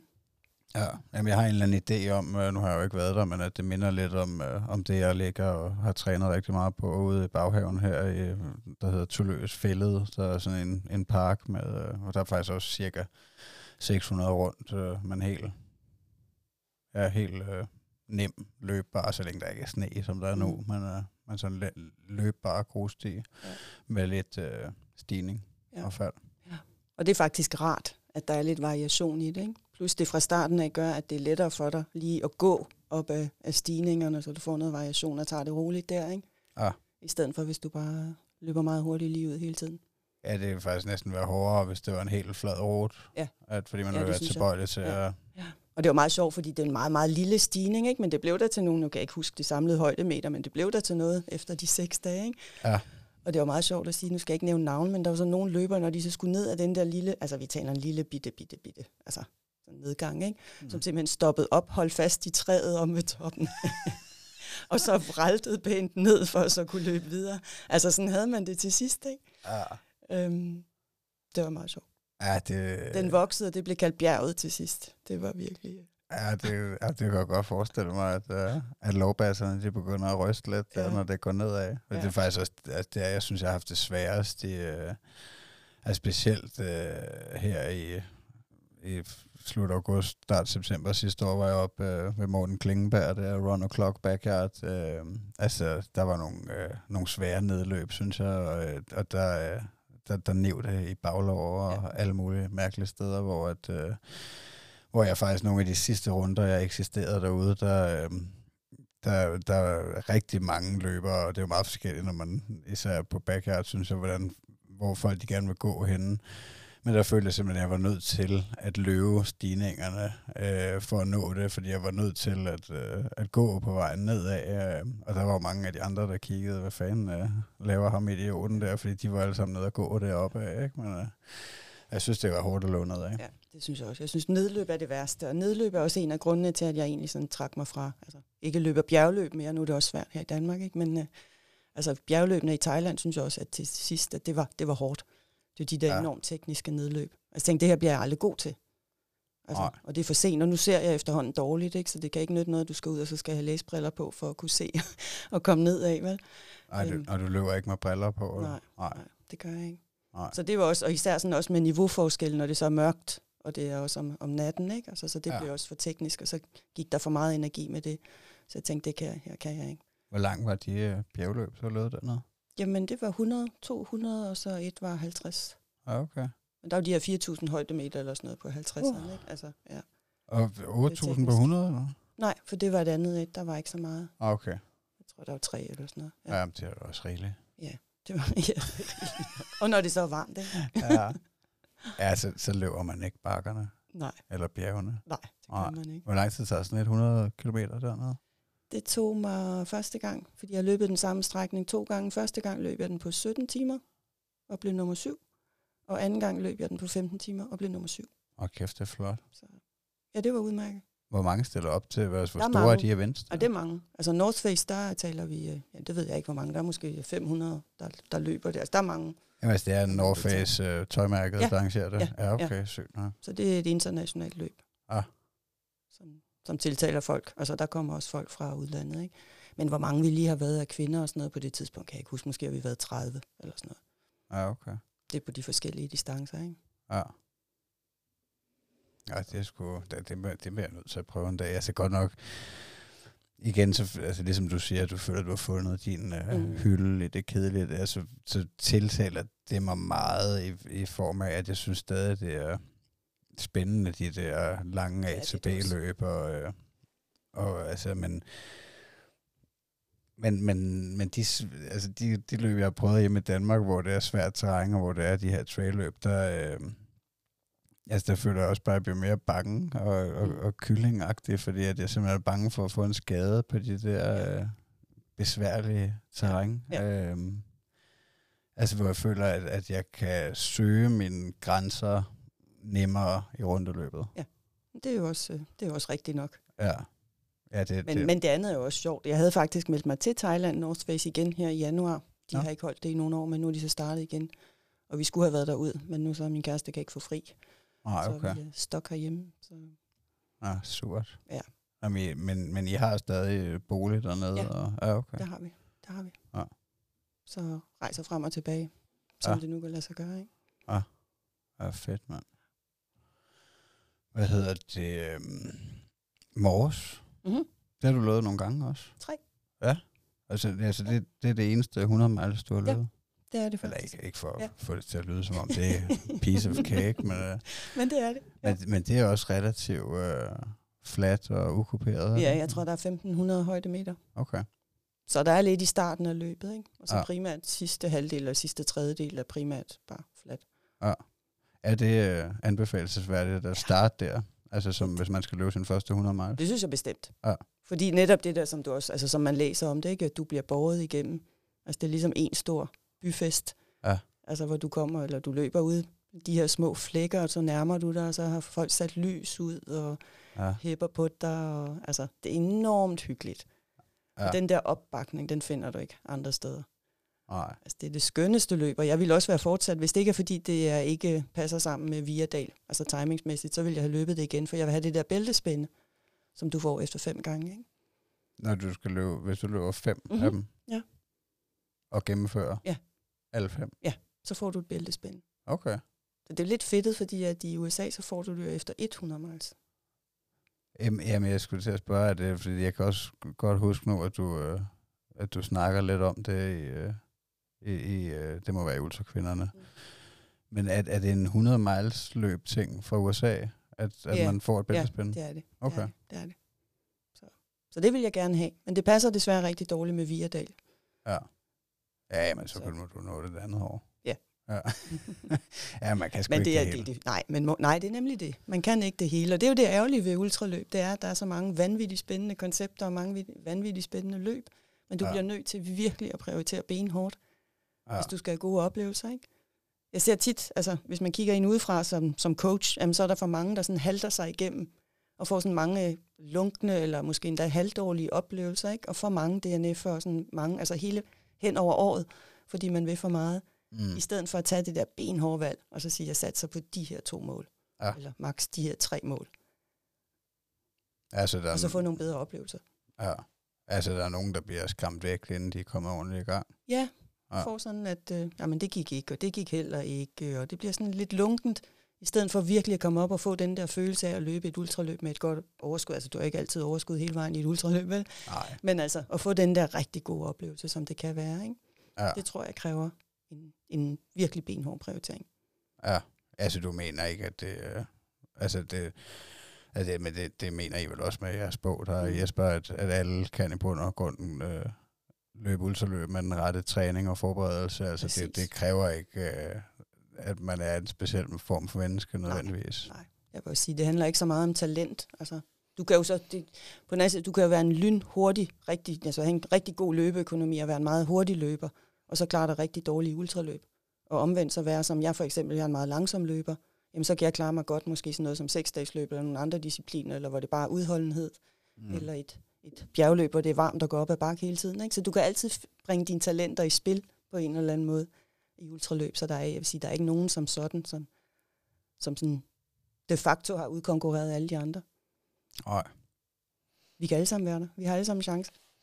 Vi Ja, skal bare men- udnytte vores talent rigtigt. Jamen, det føler jeg også, at, øh, at, at, øh, at jeg opdagede der. Altså, jeg føler, at det er nok en, en af de andre grunde til også, at jeg synes, at, at de der rundeløb, at, at det er spændende. Og jeg, fordi jeg, jeg tror, at øh, jeg har nok en eller anden idé om, at, øh, at, jeg kan, at jeg har større chance for at få succes der, Mm. end... Øh, fordi nu mit, første ultraløb var Samsø Ultra, og... Øh, og både der og til Cold Hawaii 100 miles, der, øh, der ser jeg jo nogle af dem, der bliver nummer et og nummer to og nummer tre, øh, løbe nogle tider, som jeg føler er fuldstændig urealistiske for mig nogensinde, at, øh, at kunne det, altså ikke jeg skal sige, at det ikke kan lade sig gøre med den rigtige træning, og, men jeg føler, at der er nogle mennesker, der er jeg ved ikke, om det er genetik eller hvad det er, men der er i hvert fald dygtige til at løbe hurtigt og, og, og tilbagelægge distancer på, på meget kortere tid end mig, men hvor jeg føler, at jeg har en, en bedre chance for at blive bedre til det her udholdenhed. Mm. Altså at kunne øh, ja, blive ved i, i flere dage. Ja. Og det er måske også rigtigt. Og især netop det, at fordi det er også selvforstærkende i det øjeblik, man selv finder ud af, at det er det her, jeg kan. Ikke? Ja. Så, så, så, så tror man jo også på det. Altså tro flytter bjerge, og hvis det, jamen, vi ved jo begge to, at ultraløb er ja, 80% mentalt, ikke? Ja. Så hvis man finder ud af det, der siger, at det er det her, det kan jeg, og det her, det arbejder jeg med, ikke?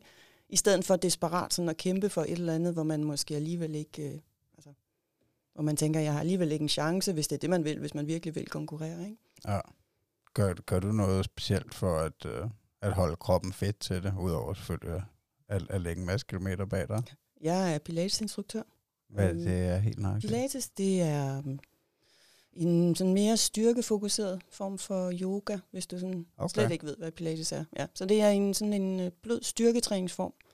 Enormt effektiv, hvor du arbejder med de inderste muskellag. Hvor meget styrketræning, der kører du sådan på det yderste muskellag. Pilates, det er sådan nogle stille, små yoga-lignende øvelser, hvor du så med den rigtige vejrtrækning arbejder med at styrke de inderste muskellag. Altså, der er en god bid udstrækning i? Ja, udstrækning, men primært, primært styrketræning. Okay. Altså, og det har jeg arbejdet med i mange år. Og det er sådan også min egen billet til det. Jeg tænker, at det skal jeg kunne det der. Jeg skal have en, det her, det, i, i Pilates arbejder du med din kernemuskulatur. Så det ja. handler om hele tiden at have en stærk kerne. Og jeg tænker, det skal, det skal jeg blive ved med. For også når jeg bliver ældre og sådan noget, så er det virkelig, virkelig vigtigt øh, at have den side af sagen med. Ikke? Ja. Så det underviser jeg i, og det øh, bliver jeg også ved med. Altså, så, så, så du træner dig selv i form af din undervisning? Ja, ja. ja så træner jeg jo selv, altså, ja. for at være i form til det. Ikke? Ja, okay. Så det er sådan min adgangsbillet, fordi jeg tænker, ellers kan jeg ikke forsvare, at jeg bare går ud og laver så ensidig belastning hele tiden. Nej. Øhm, som løbet er. Hvad med yoga og udstrækning? Jeg er ikke så god til at strække ud. Nej, så du er heller ikke øh, særlig fleksibel? Nej. Nej. Men jeg kan nå min tær. Okay. Altså er du med, meget mere fleksibel Det tænkte jeg nok. Det tænkte jeg nemlig nok. det skal jeg arbejde en del for, og, og det kan jeg ikke rigtig finde ud af, om, øh, om, om det er en stor fejl. Altså, øh, om, øh, om det er et must for sådan en som mig, der godt vil blive bedre og dygtigere til at løbe ultraløb, og forventer, at jeg kan løbe ind til, til jeg er 80 og de næste 50 år. Øh, om, om jeg bør gøre noget for, at mine led kan blive mere smidige. Jeg ved ikke rigtigt med, med smidighed, om der sådan er noget belæg for at sige, at man skal være smidig for at løbe ultraløb. Måske egentlig næsten tværtimod. Ja. Øhm, det nytter ikke noget, at du sådan er overfleksibel, og sådan, du kan ligesom se, sådan, at du sådan er lidt ledløs, altså at du, at du, er, at du er for smidig. Nej. Så det gør ikke noget, at der er noget lidt rustning, men du skal jo have en styrke. Ja. Øhm, og samtidig, altså, jeg ved ikke, der er garanteret også, det gør vi nok alle sammen, at man er tit låst i hoften og så videre. Ikke? Ja. Der er jo også grænser for, hvor, hvor låst man, øh, man skal være der, for at det kan gå hen og sætte sig i en eller anden skade, fordi at kroppen simpelthen ikke øh, bevæger sig fuldt ud, så godt som den kan. Ikke? Men, så du, men, kan få en, du kan få en lektie. Jeg har nemlig lige hørt, at man skal kunne sætte sig ned og rejse sig op, uden at bruge hænderne. Ja. Held og lykke med det. Ja, så. Jamen, det vil jeg da prøve, ja. når, når du er gået hjem. Ja. Nå, men altså, så, så du tænker, at, at, at en form for styrketræning er mere vigtig end det her øh, end at dyrke yoga, for eksempel. Ja, men du vil finde folk, der siger det modsatte. Ja, ja, det, det er jo sådan med de her ting, men det, det vil jeg sige. Ja. Øhm, men, og der er, ikke noget, der er jo ikke noget videnskabeligt belæg for heller at sige, at man skal strække ud hverken før eller efter løbet. Nej. Øhm, så det er jo vidderligt, hvad man, at, at du finder frem til den form, som din krop har det godt med. Ja, ja. Jamen, altså, vi laver jo heller ikke den her samtale for at, uh, at, at komme med direkte fakta til folk til en drejebog, mm. fordi det mm. tænker jeg ikke. Altså, altså nu, ja, jeg forestiller mig, at det er en fuglesforløb også især, at det må være altså totalt individuelt, hvordan det er totalt vi individuelt. forskellige reagerer. Altså, og jeg, jeg har så erfaret, at hvis jeg arbejder for meget med smidighed, eller dyrker, altså for eksempel vil jeg ikke anbefale at dyrke yoga lige før et løb eller noget, at, øhm, at det ikke er godt. Okay. Men du kan helt sikkert finde nogen, der så vil sige det modsatte. Ja. Fordi det er godt for dem. Ja, fordi at, at, øh, altså, jeg har ikke hørt nogen tale om, uh, altså ultraløbere tale om, at, øh, at, at de laver ekstremt meget yoga, men der, der er lige ham der Goggins der, øh, mm. som, som var den første, jeg stødte på, og han, han rendte ind i en masse problemer øh, efterfølgende, efter han var begyndt at, at løbe meget ultra. Og, og, og der, øh, der siger han, at han løste det ved at begynde at strække ud ja. i øh, en til to timer om dagen, eller sådan ja, noget, fordi hans krop simpelthen var så låst. Og, altså, så snakker de om altså, jeg ved ikke, at det er blodgennemstrømningen, der har svært ved at komme ud de forskellige steder, fordi det hele simpelthen er så stift. Altså, men han er nok også lidt mere ekstrem, end, ja. uh, end du og jeg måske. Ja, ja det tror jeg nok. Ja. men øh, jeg, jamen, jeg synes, det er så svært, det der. Ja. Fordi det simpelthen er så individuelt. Og nu i forbindelse med det research, jeg har lavet til mine bøger og sådan noget, ikke? hver eneste gang, så havner jeg ved den der med, at det er der ikke noget videnskabeligt belæg for at sige. Nej. Så jeg tror virkelig på, og sådan har jeg det også med fueling, altså ernæring, at det er virkelig individuelt. Ja. Og det, der batter, det er, jamen du skal, du skal vide til de, måske er der nogle tommefingerregler derude og sådan noget. Det går ikke at være så låst i hoften, at det går ondt, så bare du skal rejse dig op fra stolen selvfølgelig. Ikke? Ja. Altså der er sådan, nogle, der er sådan en gang, altså en sund fornuftbase. Mm. Og så må man så skrue på de, igen skrue på de knapper, man så har med sig selv, og finde ud af, jamen, hvad er det, der virker for mig. Ja. Og det er det, der er spændende, det er, at man skal simpelthen ud og have sine egne erfaringer. Ikke? Fordi der er jo nogen, der vil sige, de sværger ved at, at strække ud, og som har sådan, altså de er virkelig øh, helt faste med, at de har deres øh, fem udstrækningsøvelser, de skal lave efter et hvert løb. Ikke? Jeg har også selv lidt af sådan en rutine, som jeg skal lave før løbet og efter løbet. Ikke? Men det er jo på ingen måde sikkert, at den vil være god for dig. Og jeg tænker også, er det så fordi det fysisk er godt for os, det vi gør, eller er det fordi, at vi mentalt tænker, at det her det er godt for os? Ja, det kan vel godt være en eller anden form for placebo-ting, at, helt sikkert. at, at, helt at, at du har skabt med din hjerne. Jo, at, helt uh... sikkert. Og den skal man så heller ikke undervurdere. Nej. For at sige, den er lige så vigtig. Ja. Um, så placebo er jo vidderlig. Altså, det er jo guld værd i ultraløb. Altså, kan du få bildt dig selv ind, at det virker, som jeg nu siger, at jeg spiser spejepølse, når jeg har kvalme, ikke? Altså, mm. Kan du få sådan de der ting frem, hvor du bare tænker, at det her, det virker for mig, det ved jeg. Ja. Ikke? Og du får de der udstræk, og du ved, at det virker for mig. Jamen, om det så er hjernen, der siger, at det virker, eller det er nervesystem, der siger, at det virker, eller om det fysiologisk virker, det er egentlig lidt underordnet, bare det virker. Ja. Ja, altså, jeg synes også, det var interessant med, med Henrik uh, øh, L.C. Andersen, jeg havde med, at han uh, altså, spiser umiddelbart cheeseburger på, uh, mm. på hele hans uh, Frankrig-tur der, eller hjem fra ja. Frankrig. Ja. Altså, og, og blandt andet McDonald's. Altså. Ja. ja. det tænker det for, jeg det ikke. Forstår jeg. Det forstår jeg. Ja. Han er god ved sin krop, og ja. på ja, sin vis. Altså. Ja, man skal nok få det forbrændt. Men, ja. altså, men det er jo bare om at finde ud af, hvad der virker. Det er det. Jeg synes sådan, at det handler meget om at, at lytte, og det synes jeg selv, jeg er blevet god til efterhånden, også under seksdagsløbet, at lytte til kroppen og sige, hvad er det, den har brug for lige nu? Mm. Og så egentlig være lidt ligeglad med, i hvert fald i sådan under en løbsituation, hvad er det så, det er? Er det godt, eller er det usundt? Eller, men altså, tage, altså kunne lytte til kroppen, og så sige, at det er det her, den gerne vil have, og så finde sådan en balance i det, ikke? Ja. Men altså, men nu er vi lige var inde på, at, at, at vi måske ikke tror, at der er noget forskning, der, der er helt klart, og det er så i dine bøger, der kommer du alligevel ind på, der taler du mm. med, med, med nogle forskellige... Der kigger jeg i den grad på den forskning, der ligger. Ja. Øhm, og en masse metaanalyser også, som analyser alle de analyser, der har været, ikke? Så jeg sådan virkelig altså, går til bunds i det, ikke? men jeg synes bare, at hver eneste gang, så havner konklusionen, sådan, når man skal opsummere det hele, den er sådan, at hmm, det kan vi ikke rigtig sige. Nej. Måske, måske ikke. Altså, og, og det tror jeg også er reelt. Altså nu har jeg lige været på, og det er noget, jeg godt kunne, måske, hvis jeg skulle skrive igen, så kunne jeg tænke mig at skrive om det, altså med, med hvad, hvad, hvad er smerte egentlig, altså når du laver fysisk aktivitet. Ikke? Ja. Og jeg har lige været sådan på kursus i smertehåndtering også, hvor før i tiden tænkte man, at smerte, det er noget, der sker øh, fysisk i din krop, og så er der en direkte forbindelse, som så siger til hjernen, det gør ondt. Og nu ved man i dag, at smerte, det kommer fra, primært fra dit nervesystem.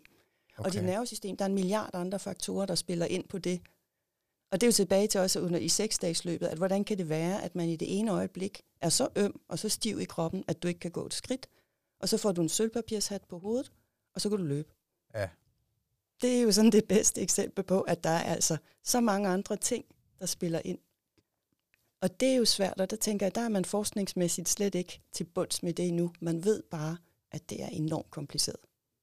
Ja, men pågår der nogle, altså det må jo også være nogle lange studier, hvis man skal, altså man er nødt til at følge nogle ultraløbere over en... Der har du fat i noget rigtigt. Det er enormt besværligt at studere ultraløber. For det første, fordi i starten var det jo, fordi at der ikke var nok. Mm. Og så netop, som du selv siger, så skal man følge dem over gevaldigt lang tid. Ja, men altså, der må, der må pågå nogle studier. Der er masser af studier hele tiden. Ja. Der er masser af studier hele tiden. Ja, det vokser jo. Altså, hvorfor, har du nogen idé om, hvorfor det er sådan en voksende sportsgren?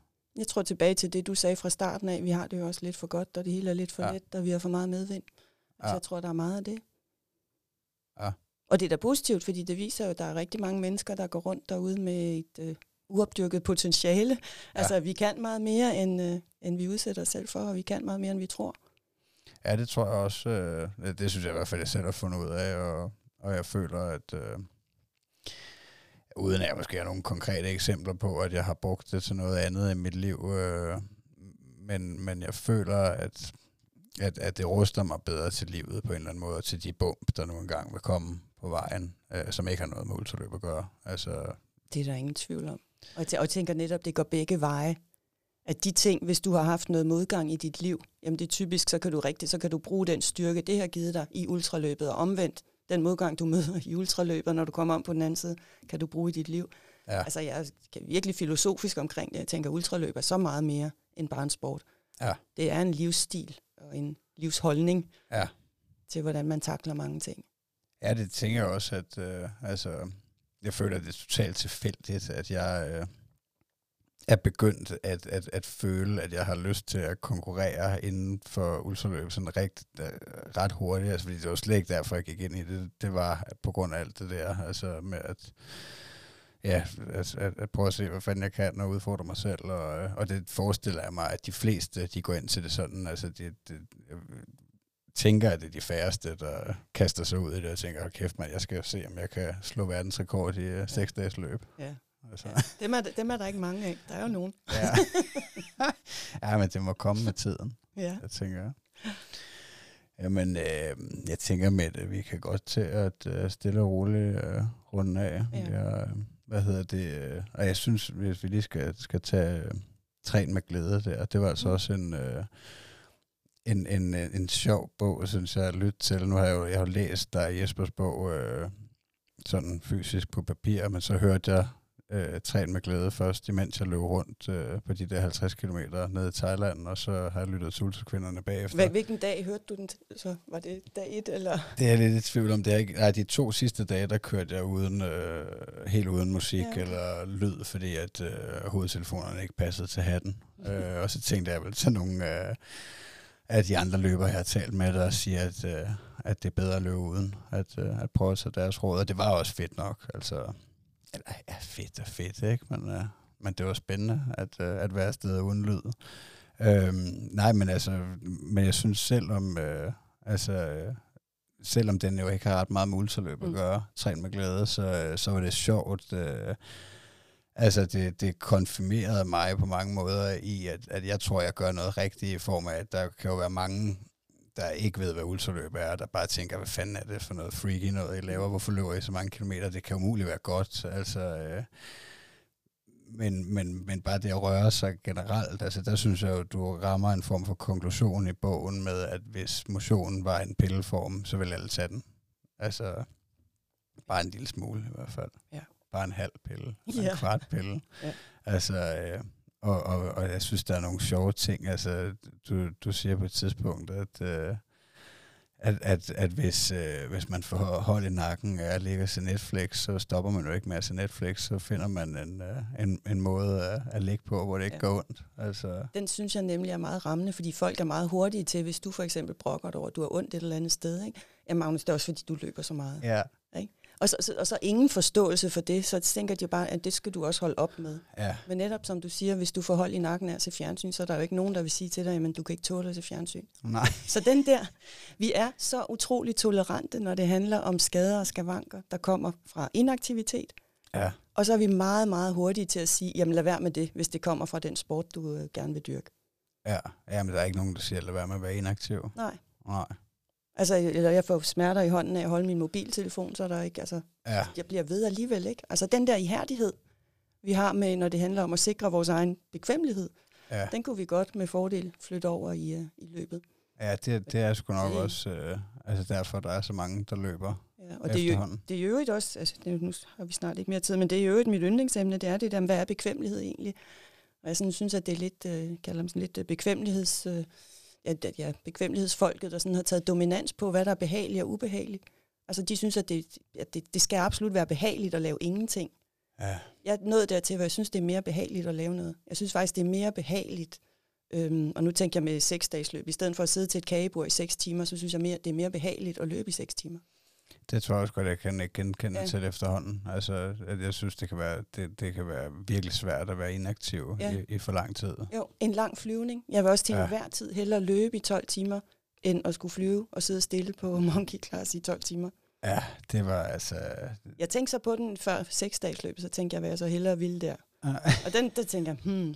Men så tænker jeg, okay, hvis jeg nu kom i fængsel, og skulle være i fængsel i en uge, der var ikke engang, folk ville jo ikke engang have ondt af mig, fordi fængsel i en uge, det er jo ingenting.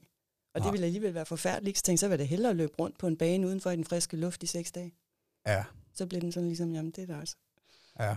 Ej, men altså, kæmpe anbefaling herfra i hvert fald til, Tak. hvis du øh, sidder derude og tænker, øh, jeg skal have et spark i røven og finde ud af, hvordan fanden jeg kommer ud af sofaen og finder bare et øh, kvarter eller en halv time til at, øh, at lave noget aktivt, så øh, træn med glæde, den, øh, den kan man både øh, læse, man kan lytte til den.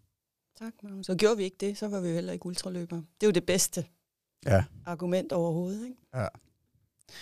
Og øh, ultrakvinderne ligeledes kan du øh, finde på lydbog og, øh, og almindelig bog og øh, ultraløb for alle. Præcis. Og øh, så kan man øh, tjekke dig ud på Facebook og Instagram på øh, Masterrunning eller Mette Birk Ultra, som Ja. du hedder på Instagram. Det Ja. er rigtigt. Det er rigtigt. Og besøg din hjemmeside, masterrunning.dk. Præcis. Fedt, mand. Ja. Tusind tak, fordi du Jamen, var tak med. for snakken. Ja,